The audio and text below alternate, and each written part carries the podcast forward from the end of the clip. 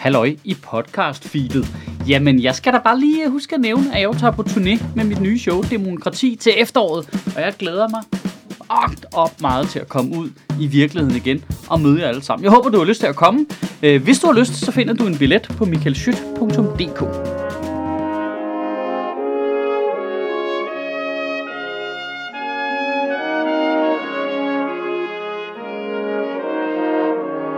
Goddag. Vi danskere, vi er nogle nærige luksusdyr. Det er det, vi er.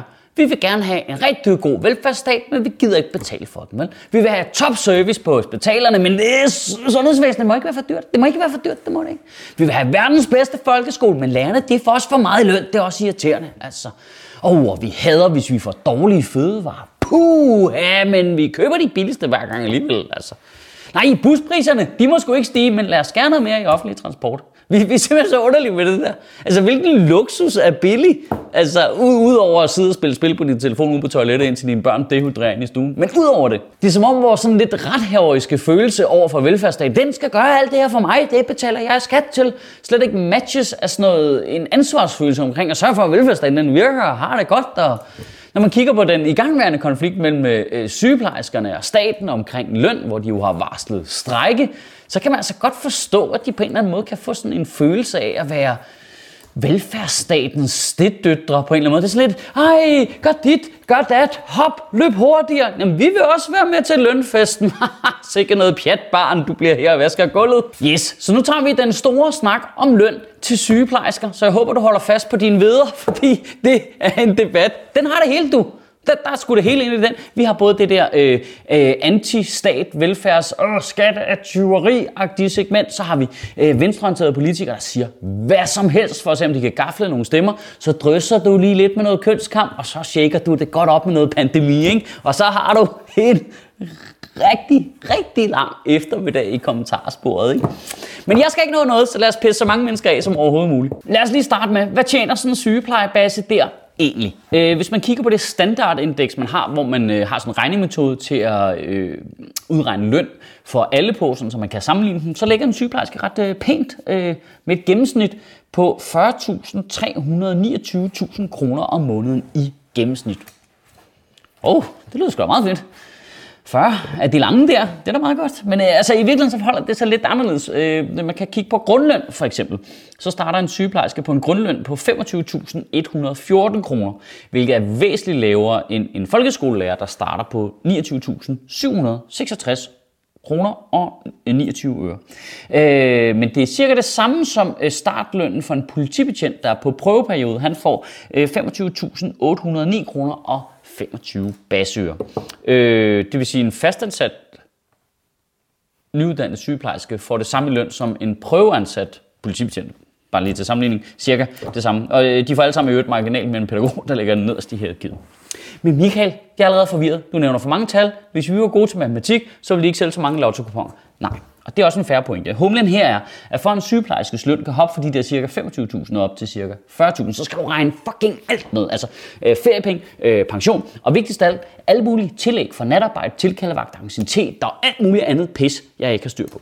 Men Michael for helvede, jeg skulle se noget sjovt på internettet, jeg skulle ikke med til en lønsamtale på et job, jeg ikke engang har. Nej, og jeg skal også stoppe lige om lidt. Men pointen er bare det her at det er lidt relevant, at det sygeplejerskerne gerne vil ændre, det er, at de gerne vil have deres grundløn op, så, så lille en del af deres løn som muligt ikke er afhængig af alle mulige tillæg og omstændigheder, som de ikke er herre over, og som måske vigtigst af alt ikke er pensionsgivende.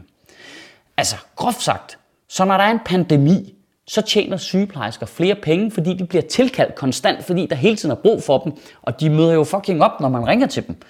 Når sygehusvæsenet er presset, hvilket de har været i mange år, så tjener sygeplejerskerne flere penge, fordi de bliver tilkaldt hele tiden på alle mulige mystiske tidspunkter, der skal fylde alle mulige huller ud, for at få det hele til at gå op.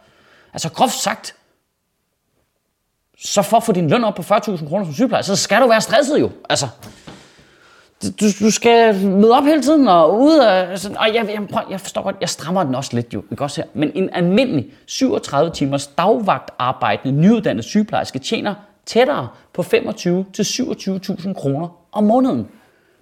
Det er altså vel at mærke 2-4.000 kroner mindre end den nemlig lagermedarbejder, vi snakkede om i sidste uge. Men servicen skal være perfekt. Men det er alt sammen, det er patriarkatets skyld, Michael. Det er de onde, onde mænd, der bare holder damerne med deres klamme mandehænder. Og det synes jeg måske nok lige er... Kan der være noget om, hvis du kigger på det i en historisk kontekst. Altså. Så nu tager vi øh, vores hjelm på, så tager vi vores øh, metaldetektor, og så bevæger vi os ud i det minefelt, der hedder øh, ligeløn. Godt. At der er forskel på mænd og kvinders løn, øh, i det hele taget, men særligt i den offentlige sektor, er der ikke rigtig nogen diskussion om. Okay, rolig, rolig, rolig. Puh, rolig. Vi tager det lige lidt ad gang. Der kommer lige mere information på. En rapport fra Institut for Menneskerettigheder viser tydeligt, at der er forskel på lønnen i mandsdominerede job i den offentlige sektor i forhold til kvindedominerede fag i den offentlige sektor. Der er også to rapporter fra øh, det institut, der hedder VIVE, som er det nationale forsknings- og analysecenter for velfærd, som når frem til samme konklusion, og senest har Lønkommissionen i 2010 lavet en rapport, der når frem til samme konklusion. Rolig, rolig, rolig. Prøv, prøv, hey, hov, rolig, rolig. Vi, vi har bare set minen. Vi har set den. Vi har, ikke, vi har ikke trådt på den endnu. Vi kan se minen. Okay, okay. Alle de her rapporter siger også, at der er flere forskellige grunde til, at der er et løngab mellem mænd og kvinders løn i den offentlige sektor. Øh, nogle af de grunde kan for eksempel være øh, kvinders generelle lavere uddannelsesniveau, og nogle af de valg, som kvinder tager, øh, som gør, at de for eksempel arbejder mindre i gennemsnit. Og så kan vi jo, så er der en lang, så er der en lang diskussion, som I kan have derhjemme omkring, jamen, er det så det frie valg, øh, hvor man tager det, eller er man tvunget af omstændighederne, og jada, jada, jada, og i virkeligheden så er svaret nok et super duper broget svar. Men den mine, jeg gerne vil hen og hoppe på, det er den, der siger, at en af faktorerne, uden tvivl også er lønstruktur. Det er ikke rigtigt til debat, at den lønstruktur, altså de regler, man har lavet for, hvordan vi lønner offentlige ansatte, kommer fra tjenestemandsreformen, som blev lavet i 1969. Det er nemlig rigtigt.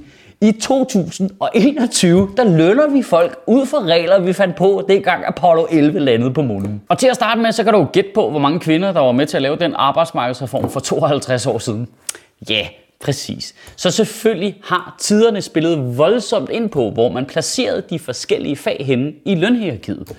Altså øh, skolelærer, politibetjent, det var managers, ikke? Altså, og sygeplejersker, pædagoger, det var for fruen til mig. Ikke? Og oven i det, så havde man faktisk seriøse overvejelser, om man overhovedet kunne ansætte gifte kvinder. For de ville jo ikke have tid til at gå så meget på arbejde jo. De skulle arbejde derhjemme jo. Det var jo den gifte kvindes job at passe børnene og lave maden. Og, altså i det store hele op igennem 50'erne og i starten af 60'erne, der, der blev kvinder på arbejdsmarkedet betragtet som et bidjob jo. Altså, det var, det var, en, øh, det var en fritidsbeskæftigelse, ikke? Og hvad, hvad, hvad går det en kone så og hygger sig med i fritiden? Oh, hun spiller noget badminton. Og så går hun og sysler med nogle poliovacciner nede på fattigården, ikke? Så det er jo klart, de fik mindre i løn, jo, for helvede. Altså, politibetjenten, det var brugsuddeleren, og sygeplejersken, det var flaskedrengen. De skal sgu da ikke have det samme i løn, mand. Det kan du da regne ud inde i din beta Er du dårlig til matematik, eller hvad foregår der? Og det er jo den grundlæggende skævhed, vi aldrig har rettet, som vi bare har bygget videre ovenpå, som et rigtig dårligt spil klods med jo. Det er, jo, det er jo ligesom et parforhold, hvor den ene i et parforhold føler, at man ligesom tager slæbet og tager den største del, og allerede føler, at der er en lille skævhed, som den anden ikke opdager. Og så hver gang du kommer et nyt problem ovenpå, så, så skal du også løse det lidt mere. Og så skal du løse det næste problem lidt mere, og lidt mere, og, og, lidt mere. og til sidst så, så vælter læsset jo bare. Har jeg da hørt i hvert fald. I ugen, der kommer, der synes jeg, du skal tænke over det her. Øh, vi har gennem de sidste mange år udviklet sådan en lidt øh, ubehagelig øh, regnearks tankegang, hvor vi øh, udregner, hvad forskellige grupper i samfundet koster det danske samfund. Der er I stødt på, åh, den her gruppe indvandrere fra Mellemøsten, de, de koster så mange penge. Eller øh, kontanthjælpsmodtagere, de koster så mange penge her. Sådan, hvor man øh, prøver at udskamme øh, den byrde, de er for samfundet. Men har I tænkt over, at de virker altid kun den vej?